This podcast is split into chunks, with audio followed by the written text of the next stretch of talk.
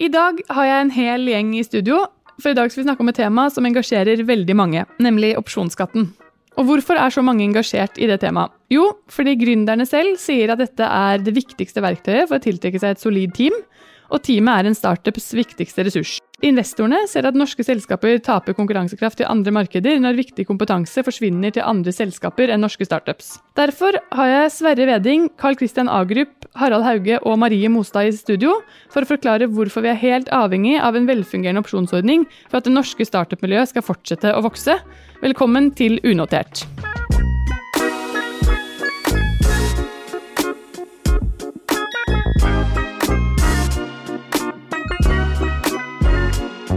Marie, Sverre, Harald og KC, velkommen til Unotert. Takk for det. Tusen takk. KC, kan du begynne å fortelle, hva er en opsjon? Ja, En opsjon er en rett til å kjøpe en aksje i fremtiden til en gitt pris. For investorer og gründere så er eh, opsjoner et verktøy for å sørge for at de ansatte i selskapet kan få eierskap og bli eier i selskapet over tid. Sånn sett også et viktig verktøy for å rekruttere nye medarbeidere og beholde de i selskapet. Og det skal vi snakke mer om, dette medeierskapet. Eh, men Sverre, kan du kort redegjøre for hvordan eh, opsjonsskattereglene er i dag? Ja, eh, kortformen er jo at aksjeopsjoner ikke skattlegges ved tildeling når man får dem, men ved innløsning, typisk noen år senere. Dvs. Si når den ansatte skal kjøpe eller tegne aksjer i selskapet og bli aksjonær. Og på det tidspunktet, når de innløses, så skattlegges det gevinsten. Forskjellen mellom markedsverdi på aksjer og det man skal betale for aksjene, forhåpentligvis en hyggelig gevinst, det beskattlegges som lønnsinntekt med ca. 46% skatt. Og Dessuten kommer det arbeidsgiveravgift for selskapet på den samme beregnede opsjonsgevinsten. Så her skal altså skatten betales samtidig som den ansatte skal betale for aksjene. Og det gir jo for mange en veldig likviditetsskvis, fordi i oppstart- og vekstselskaper så er det ikke typisk noe marked for å selge aksjene, og, og det er rett og slett ikke penger til å betale skatten. Så dette har vært et kjempeproblem i praksis. Men så, gjennom NVCA og Abelias harde arbeid, da, så fikk vi jo nye regler i 2018. Det gikk ut på at man skulle kunne utsette skattebetalingen til aksjene ble solgt. Altså en veldig kjekk og god ordning. Fortsatt lønnsbeskatning, men kunne utsette skatten. Vi hadde jo håpet at det skulle bli en modell som ble bra, men eh, den ble så full av begrensninger. Jeg skal ikke gå i detalj på det, men det var bare de aller minste selskapene, masse vilkår om bruken. Og ikke minst sånne vilkår som at f.eks. bare skatten av maksimalt én million kunne utsettes. Altså maks en million i opsjonsgevinst, skatten av den kunne utsettes. Og den nye ordningen den ga stor usikkerhet for om du faktisk vil få utsatt skatten for de veldig få som i hele tatt kunne omfattes.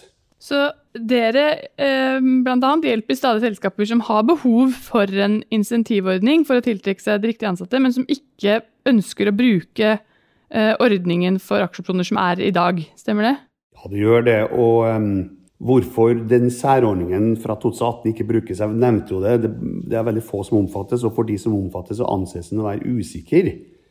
Så um, da blir det ikke populært da, hvis du ikke vet med sikkerhet at dette kan fungere. Mm. Så med bare de små selskaper og maksimal fordel på en million, så blir det hele usikkert. og jeg har mange ganger frarådet uh, ulike selskaper å bruke det her, og, heller uh, lage tilpassede aksjekjøpsmodeller som vi hjelper til å skreddersy, rett og slett. Mm. Men da må man ha uh, ressurser til å kunne bruke en del advokattimer på det, og, og, ikke minst vite at det fins noen sånne type alternativer, da. Så det er jo ikke så veldig praktisk, det heller. Nei, det, det, er dyrt og upraktisk. Og vi Ja, nå skal vi snakke mer om hva vi, hva vi, ser ut som vi kan få. Og kanskje det kan bli mye bedre. Det skal vi gjøre. Men aller først så skal vi høre med et uh, levende eksempel. Uh, Marie, du er uh, et sånt eksempel på en gründer som har et, et vekstselskap. Kan du beskrive selskapet ditt og hvorfor en velfungerende opsjonsordning er viktig for dere? Jeg driver et selskap som heter InspireMe. Vi bygger teknologi for det man kjenner som influence marketing. Og vi startet det selskapet i 2016, og siden den gang så har vi mer eller mindre doblet ansatte hvert år. Og vi har jo sett at teamet er helt klart vår eh, viktigste ressurs. Eh, og i så måte så er jo også en uh, god opsjonsordning det viktigste virkemidlet vi har for å tiltrekke oss talent. Så for oss er det kjempeviktig, og grunnen til at vi har skrevet under på det som den viktigste fanesaken opp mot virkemiddelapparatet i de årene vi har holdt på. Men hvorfor er det så viktig med en velfungerende ordning? Nei, det er to hovedgrunner. Eh, det ene er at eh, vi ønsker å hente kjempeflinke folk som kanskje går fra en godt betalt og trygg og stabil jobb. Eh, og da trenger vi noe å slenge på bordet som veier opp for den risikoen de tar når de går fra sin daværende jobb til oss. Og det andre er at vi ønsker å skape det eierskapet til selskapet blant de ansatte. Vi ønsker at de ansatte skal være med å eie bedriften, ikke bare gründerne og investorene. Eh, og da er jo opsjoner den eh, beste måten å gjøre det på, sånn eh, vi ser det. Mm. Men medeierskap, da. Hvorfor er det så viktig for tidligfaste bedrifter? Nei, det er jo mye usikkerhet når man eh, starter et selskap, og du ber egentlig folk liksom legge ut på en eh, reise som du ikke helt vet eh, hvordan vil gå. Og vi snakker mye oss om at vi taper sammen og vi vinner sammen.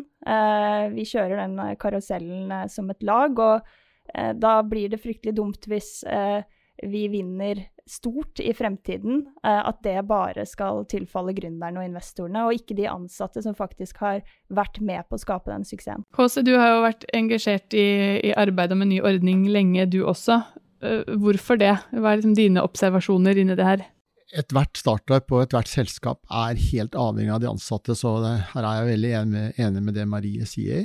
Jeg tror eh, det som ligger til grunn her, er jo at du ønsker å dele oppsiden med, i selskapet med de ansatte, og ha de med på laget videre. Og eh, de ordningene som har vært til nå, har jo vært til hinder for det. Og eh, jeg har jo både som gründer selv og som investor sett at det har vært uh, veldig negativt. Og det har vært med på å hemme mange virksomheter. De har brukt altfor mye tid, egentid, men også advokater og andre på å komme rundt de eksisterende ordningene. Som har vært et forferdelig spill av både tid og penger.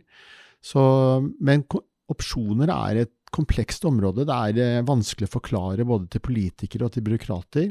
Og det er ikke åpenbart at uh, ikke det eneste man ønsker å gjøre, er å gjøre andre mennesker rike på eh, andres bekostning. Mens det er faktisk det verktøyet og den viktigheten av det verktøyet som, som disse selskapene bruker, bruker, det som, som er det bærende elementet her. Og det har vært har vært min oppgave å forsøke å forklare til stortingsdelegasjoner og departementer og alt mulig annet, sammen med et veldig bra team av, av andre, både gründere og advokater. Og det har vært eh, en morsom reise. Og er det én ting gründere ikke har, så er det jo tid og penger. Ikke sant. Men Marie, dere kan ikke bruke ordningen som er, ligger på bordet i dag. ikke sant? Hvorfor ikke det, eller sånn praktisk sett? Nei, vi ble jo uh, kjempeglade når vi hørte at det skulle komme en ny ordning, og så ble vi kjempeskuffet når ordningen kom. Eh, for det første så er den jo begrenset til 25 ansatte, eh, og vi er eh, over det. Og den er begrenset til en omsetning på 25 millioner. Vi er over det. Så for oss så virket det som at den eh, ordningen ikke hadde tatt vekstselskaper inn i beregningen. Mm. Og da snakker du om den 2018-ordningen, ikke sant? Da yes. den kom? Ja. Yes. Nettopp. Hvordan eh, ser en velfungerende ordning ut da? Hva er det viktigst at en ny uh, ordning uh, hensyntar? Ja, det viktigste er jo at den er praktisk for de selskapene som implementerer den. Og det handler om at det er enkelt å forstå for de ansatte, og at de føler at det er en, en reell oppside i opsjonen, og at de ikke må ut med masse penger som de ikke har eller at de må betale skatt på en verdi eh, som de ikke føler er til stede.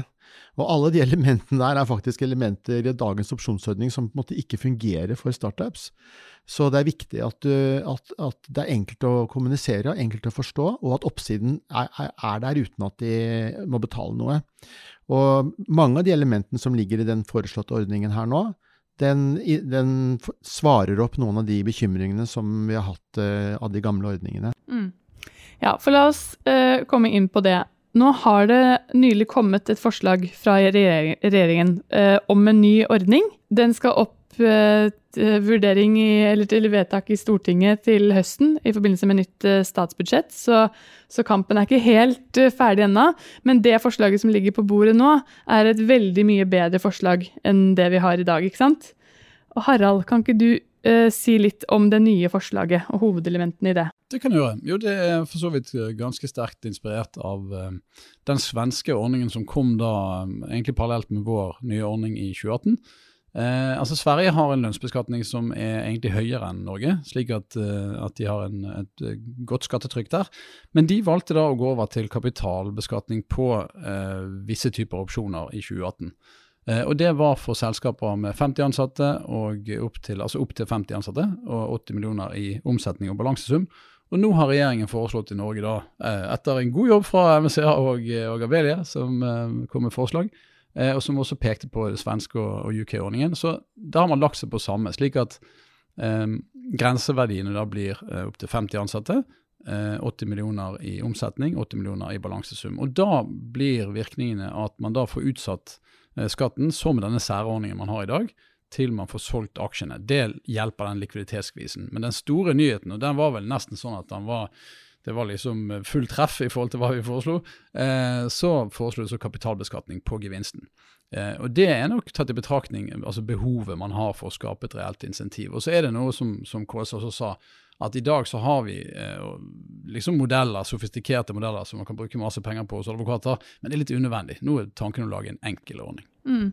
Men poenget med kapitalskatt eh, og argumentet for hvorfor det, uh, hvorfor det er en god løsning, kan du si litt om det også? Ja, nei, det, det, er ikke, det, er ikke, for så vidt uttrykk fra regjeringen, men altså det som, uh, som, inspiratoren Sverige i hvert fall har lagt vekt på, det er at, at skal det fungere som et, uh, et reelt uh, insentiv, så må man gjøre også noe med skattetrykket. Men det handler også om måte, kapitalsituasjonen til selskapene. altså i den forstand at man anerkjenner at et selskap med, med si, dårlige likvider må tilby noe annet enn lønn. Ikke sant? Du klarer ikke å konkurrere med de store norske virksomhetene på en ingeniørlønn, eh, og da må du tilby noe annet. Slik at da blir jo på en måte den ansatte eh, tar en risiko ved å ta noen opsjoner istedenfor en lønnsinntekt. Eh, og sånn sett tar en risiko på linje med en investor eller en kreditor. Jeg syns det er veldig sånn fair sammenligning.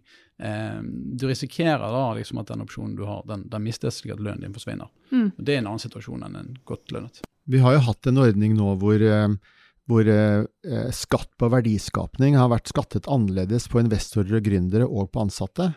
Eh, og eh, så, så, verdiskapningsskatten og kapitalskatten for investor gründere har vært kapitalskatt, men når de plutselig skulle gi noe av den verdiskapningen til de ansatte, så må de plutselig betale full lønnsskatt og arbeidsgiveravgift. Så det har jo vært et fullstendig misforhold mellom hvordan du faktisk beskatter verdiskaping. Mm. Og sånn sett mener jeg det er det viktigste argumentet for hvorfor kapitalskatt er det som burde gjelde når det gjelder skatten på denne verdiskapingen. Ja, ikke sant? At de ansatte er med og tar den risikoen og bør uh derfor skatte den gevinsten på lik linje som en investor som tar risikoen i et oppstartsselskap. Mm.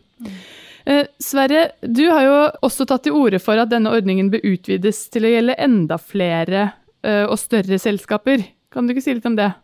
Jo, jeg har flere ganger nevnt at eh, ordningen burde utvides til, til mange flere selskaper og, og, og, og, flere typer ordninger. Og også den nye, som jo eh, det er begrenset til 80 millioner i omsetning og balansesum og 50 ansatte. Jeg hadde jo håpet at den kunne gjelde også langt flere selskaper. Både større selskaper, flere vekstselskaper og egentlig alle unoterte selskap. Men nå er man kanskje glad for at man i hvert fall har fått en god ordning. Og, som Harald Hauge så godt sa, det, det er jo virkelig nyskapende dette med kapitalskatt. Og en annen bra ting som jeg ser ved ordningen, at nå har man tatt bort den der begrensningen på at det er maks skatten av 1 million som kan utsettes. Det er helt borte. Så den nye ordningen her nå, den blir enklere å administrere. Ingen arbeidsgiveravgift, den type spørsmål. Det blir mer forutsigbart for ansatte og selskaper som vil uh, satse på dette. Ved at uh, all opsjonsgevinst skal kunne utsettes så lenge man følger vilkårene. Og så er det en ulempe også som vi ser, og det er at opsjonen, eh, eller aksjene, må verdsettes ved tildelingen av opsjoner. Og Det skyldes eh, at man har sagt at regjeringen sier i hvert fall i sitt høringsforslag at man kan ikke sette strike price, eller altså innløsningskurs, lavere enn dagens markedsverdi på aksjene. Så man kan ikke få en gavepakke ved start. Og Derfor må man verdsette de underliggende aksjene. Og så skal regjeringen komme også med regler og, og, og nærmere redegjørelse for hvilke verdibegrensninger som skal gjelde, fordi det skal være et maksverdi på de aksjene et selskap kan la bli gjenstand for opsjoner, og det blir en maksverdi for hver enkelt ansatt. Og Der krysser jo jeg fingrene nå og håper at regjeringen da er fornuftig og setter de grensene litt romslig og høyt, sånn at selskapene kan sette grensene selv ut fra hva som er naturlig for virksomheten. At vi ikke får en ordning nå som blir veldig begrenset igjen til bare si, sånn småopsjoner. Så Det er det jeg krysser fingrene for. Og egentlig to oppfølgingsspørsmål til det. da. Det ene er jo konverteringen. For de som allerede har vært i oppstartsfasen en stund og hatt et ønske om å tildele opsjoner til sine ansatte. Hvordan vil det se ut nå da med en ny ordning? Og det andre er litt som du var inne på også, Sverre, med grensene, eller noen grenseverdier her, som vi trodde at regjeringen ville komme med i sitt høringsnotat, som da kom i går, idet denne podkasten spilles inn. Kan du kommentere litt på det? Kanskje konverteringen først, Marie, fordi dere har jo hatt en del ansatte eh, en stund. Ja. Nei, altså vi er jo kjempeglade for at uh, startup-økosystemet i Norge tar et stort steg fremover, og at uh, de selskapene som startes uh, i fremtiden, får et uh, nytt og veldig vittig verktøy i verktøykassa. Men for vår del så håper vi jo at vi kan konvertere den ordningen vi har, til å gjelde med de nye reglene. For vi har holdt på i fem og et halvt år. Vi har hatt nøkkelansatte som har ofret trygge jobber og blod, svette og tårer for at selskapet skulle komme dit vi er i dag. Eh, og vi ønsker jo at de skal få ta del i, i denne opsjonsordningen. Mm. Jeg kan jo kommentere dette med grenseverdier også. Så det er jo ikke slik at, en, eh, at investorer og gründere for, eh, for, alle, for alt det er verdt vil gi bort mest mulig av selskapet til de ansatte. Altså det, igjen, dette er jo et verktøy for, som du forsøker å treffe riktig i forhold til hva de ansatte trenger og bør ha og fortjener i forhold til hva Eh, for å beholde de og for å motivere de i selskapet. Så det at man måtte sette litt sånne tilfeldige grenseverdier på hvor mye de skal få lov til å bli gitt i, eh, i aksjeverdi eller opsjonsverdi, det syns jeg høres litt rart ut. Jeg kan ikke helt forstå at det er nødvendig. Eh, det bør være selskapet og investorene selv som bestemmer hva de grenseverdiene skal være, og som er fornuftige i, det, i den situasjonen selskapet er i. Mm. Maria? Fra en som sitter og, og jobber med dette her, så, så, tror jeg at det er helt unødvendig. Uh, for uh, når du henter penger og setter opp nye investor- og aksjonæravtaler, så vil man som regel ha en fornuftig dialog med investor på hvor stor den opsjonspolen skal være. jeg tror ikke det er noen vekstselskaper med ambisjoner eh, om å, å, bli virkelig store, som, som, vi på en måte tar og sier at nei, vi setter 80% av selskapets aksjer i opsjonspolen. Det, da har du ødelagt for deg selv fra start. sånn at det der vil reguleres eh, av seg selv. Ja. Harald? Bare litt sånn faktaopplysning. for det, altså De eh, grensene det eventuelt er snakk om, altså i Sverige har en grense på eh, tre eh, millioner i aksjeverdier da ved tildeling. Altså ikke opsjonsverdi, men altså at aksjene som du kan kjøpe, har en verdi på maks tre millioner per ansatt. Og så har de da en total på Og det er omtrent samme nivå i, i UK. Eh, også på selskapsnivå har de også satt en, sånn, en, en makspool du kan gi i, i, opsjoner, og den har Sverige på 75 eh, millioner. Eh, og UK har om sånn 35-40 eh, millioner. Og Det som regjeringen i hvert fall nå indikerer, sånn som jeg ser i, i denne hørings, høringsnotatet, er at de vil nok legge seg lavere enn de nivåene der. For de argumenterer om at det er bare innenfor denne ordningen, og de andre landene er større, og det er mindre selskaper her. Så jeg er i hvert fall uh, nøktern optimist. Men nå er det en høringsrunde, så dette som er veldig gode innspill synes fra Kåse Marie, det skal vi ta med oss. Mm. Og så må vi også legge til der at vi vet at svenskene de holder på å utvide sin ordning. Ja, det er jo veldig spennende. For ja. at, uh, nå har jo regjeringen de kom med dette i revidert budsjett 11. mai, så uh, to uker senere, den 28. mai, så kom uh, svenske regjeringen da med sitt nye forslag. For det, de, og det der lagrådremisset burde jo eh, vi lese, og ikke minst Finansdepartementet, for det er en veldig god argumentasjon for å utvide ordningen nettopp for å skal, altså det kapitaltilgangproblemet som er det. Så de har foreslått nå eh, å utvide ordningen til 150 ansatte og opp til 280 millioner i omsetning og balanseverdi. Altså en, en tredobling av det vi har i dag. Så det er ja, de, de, løper videre. Så det er interessant å se hvilken vei det går. Mm. Marie? Sverige har jo ligget litt i forkant av oss hele veien, med Spotify og Klarna og sånn, men nå har jo vi Kahoot og Cognite og Oda, og hadde det ikke vært litt gøy hvis vi også, eh, med verktøyene vi leverer i verktøykassa, ligger litt foran svenskene? Må vi liksom ligge et steg bak de hele veien? Vi, jo, vi er jo enige i Norge om at vi har ambisjoner om å skape et eh, godt miljø for eh, oppstart av nye selskaper. Mm. Vi vet at vi trenger å ha noe annet å leve av etter oljen. Mm. Og bare slenger ut det som en liten utfordring. Ja, ja, om, om, om, ikke vi skal ligge foran, kan vi ikke i hvert fall eh, ligge på lik linje som dem, sånn at vi konkurrerer på samme, samme vilkår. Men akkurat de poengene er også det som den svenske regjeringen skriver så godt i det lagrådsremisset. Altså de, de, de, har en lang drøftelse flere sider på akkurat det. Hva skal vi leve av, ikke etter oljen, men etter på en måte i, i fase to. Eh, og da er opsjonsbeskatning liksom sentralt. Og så snakker vi nå mye om eh, viktigheten av medeierskap Eh, for å drive gründerbedrifter videre. Vi ser jo fra investorsiden også at det øker jo attraktiviteten til selskapene betraktelig også eh, med den riktige kompetansen til stede, og vi ser at eh, veldig mye vi taper veldig mye konkurransekraft til nærliggende markeder. Så det er en grunn til at det er et samlet økosystem som er for en ny ordning her. Jeg tror også skal vi få til et, eh, et, virkelig vibrerende og bra økosystem i fremtiden, så er vi avhengig av at disse gründerne og deres ansatte lykkes å bli steinrike. Hvis du ser på, du ser på Founders-fondet og det som har skjedd i Startup Lab, så er veldig mange av de som har investert inn i Founders som Startup Lab, de er eks-gründere selv. De leverer tilbake, de investerer tilbake, de hjelper selskapene å bygge nye, nye selskaper igjen. Så det å hele tatt å få til den dynamikken der hvor du faktisk har med deg hundrevis av personer som har gjerne tjent hundrevis hundrevis av millioner, det er med på å bygge hele det økosystemet som skal bygge det nye norske næringslivet. Og du, du, får ikke det til hvis du skal sette veldig lave grenseverdier på hva folk har lov til å tjene. Du må faktisk tillate at det er mange som kommer dit, at de, at de tjener på de selskapene som skaper verdier. Men det er jo nesten litt sånn uh, ulovlig å si det, at det skal være lov til å tjene seg rik uh, på disse typer selskapene, og så i samme uh, håndsvending be om eh, bedre skatteinsentivordninger. Men det er en del av å skape fremtidens industri. Du må ha med de investorene og de som har kompetanse til å bygge selskaper, og de sitter i dag i hovedsak i de selskapene nå, som er den neste generasjonen om 10-20 år. Mm. Altså, jeg har eh, ikke tjent meg steinrik. Eh, jeg har aldri hatt så lite penger som jeg har hatt de siste fem årene. Men jeg har allerede begynt å investere med det bitte, bitte lille jeg har, i tidlige selskaper. Mm. Så det tror jeg er uh, en, uh, en, driver hos de fleste gründere. At man, man, ønsker å være med og skape den bølge to av nye selskaper, og bidra inn der både med kapital og kunnskap.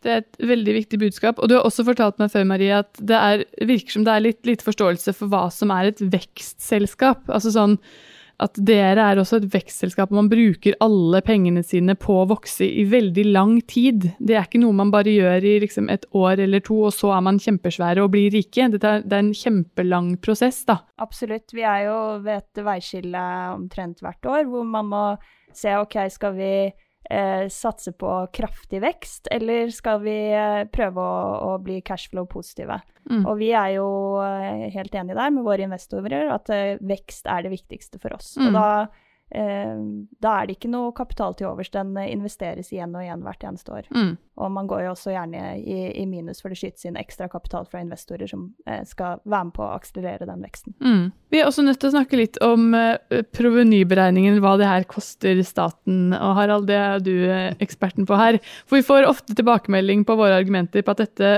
vil koste veldig mye. Uh, men vi har liksom ikke fått noen sånn veldig klare Eh, detaljer om hva eller hvordan den utregningen eh, er gjort.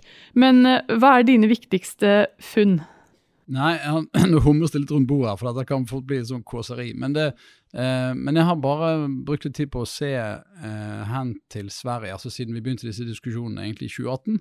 Fordi at de provenyberegningene, altså da, med det mener jeg liksom eh, hva skal jeg si, tapet av skatteinngang de beregningene vi har gjort i Norge, de har vært liksom så himmelvidt forskjellige fra Sverige. Så når Sverige i 2018 gikk eh, fra en alminnelig lønnsbeskatning, altså sånn som vi har hatt på opsjonene våre nå, full lønn på, på, opsjonsgevinstene, til kapitalinntekt, altså som er jo tilsynelatende en ganske markert nedgang.